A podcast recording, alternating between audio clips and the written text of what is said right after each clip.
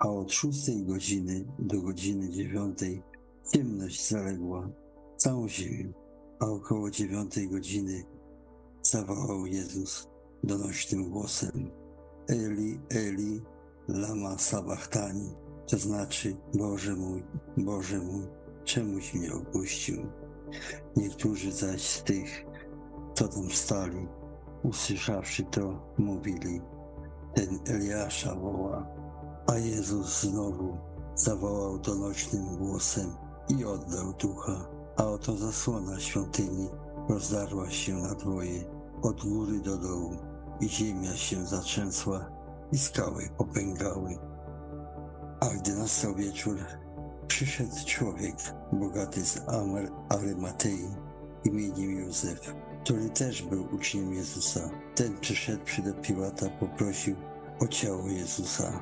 Wtedy Piłat kazał je wydać i złożył je w swoim nowym grobie, który wykuł w skale i zatoczył przed wejściem do grobu wielki kamień i odszedł. A po sabacie, o świcie pierwszego dnia tygodnia, przyszła Maria Magdalena i druga Maria, aby obejrzeć grób.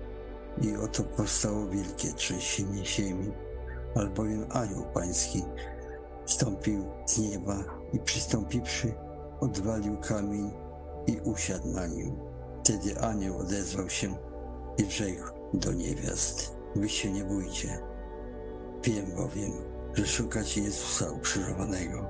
Nie ma go tu, bo wstał z martwych, jak powiedział. Chodźcie, zobaczcie miejsce, gdzie leżał. A idąc śpiesznie, powiedzcie uczniom Jego, że zmartwychwstał i oto poprzedza was do Galilei. Tam go ujrzycie. Oto powiedziałem wam. Pan jest wywyższony nad wszystkie narody. Chwała Jego sięga nad niebiosa.